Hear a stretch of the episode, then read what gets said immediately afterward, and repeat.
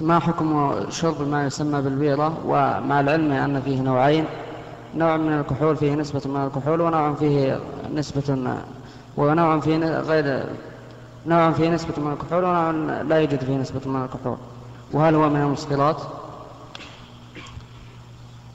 البيرة الموجودة في أسواقنا كلها حلال لأنها محفوظة من قبل المسؤولين والأصل في كل مطعوم ومشروب وملبوس الأصل فيه الحل حتى يقوم دليل على أنه حرام. لقول الله تعالى هو الذي خلق لكم ما في الأرض جميعا. فأي إنسان يقول لك هذا الشراب حرام أو هذا الطعام حرام؟ قل له هات الدليل. إن جاء بدليل فالعمل على ما يقتضيه الدليل. وإن لم يأتي بدليل فقوله مردود عليه.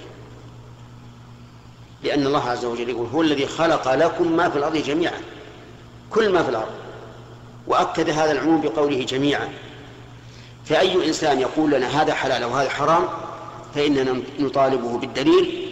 إن أتى بالدليل عملنا بمقتضى هذا الدليل وإن لم يأتي بدليل فإن قوله مردود عليه.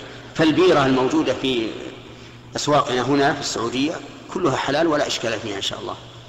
ثم النسبة لا تظن أن أي نسبة من الخمر تكون في شيء تجعل تجعله حراما النسبة إذا كانت تؤثر بحيث إذا شرب الإنسان من هذا المختلط بالخمر سكر صارت صار حراما أما إذا كانت نسبة ضئيلة تضاءلت وانمحى أثرها ولم ولم تؤثر فإنه يكون حلالا. فمثلا نسبة مئة واحد في المئة أو اثنين في المئة أو ثلاثة في المئة لا تجعل الشيء حراما.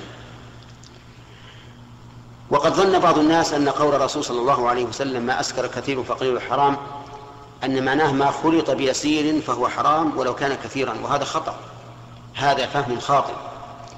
الحديث يقول ما أسكر كثيره فقليله حرام يعني الشيء الذي إذا أكثرت منه حصل السكر وإذا خففت منه لم يحصل السكر يكون القليل والكثير حرام.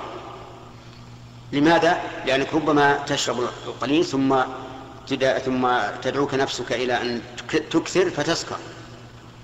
وأما ما اختلط بمسكر والنسبة فيه قليلة لا تؤثر فهذا حلال ولا يدخل في الحديث. نعم.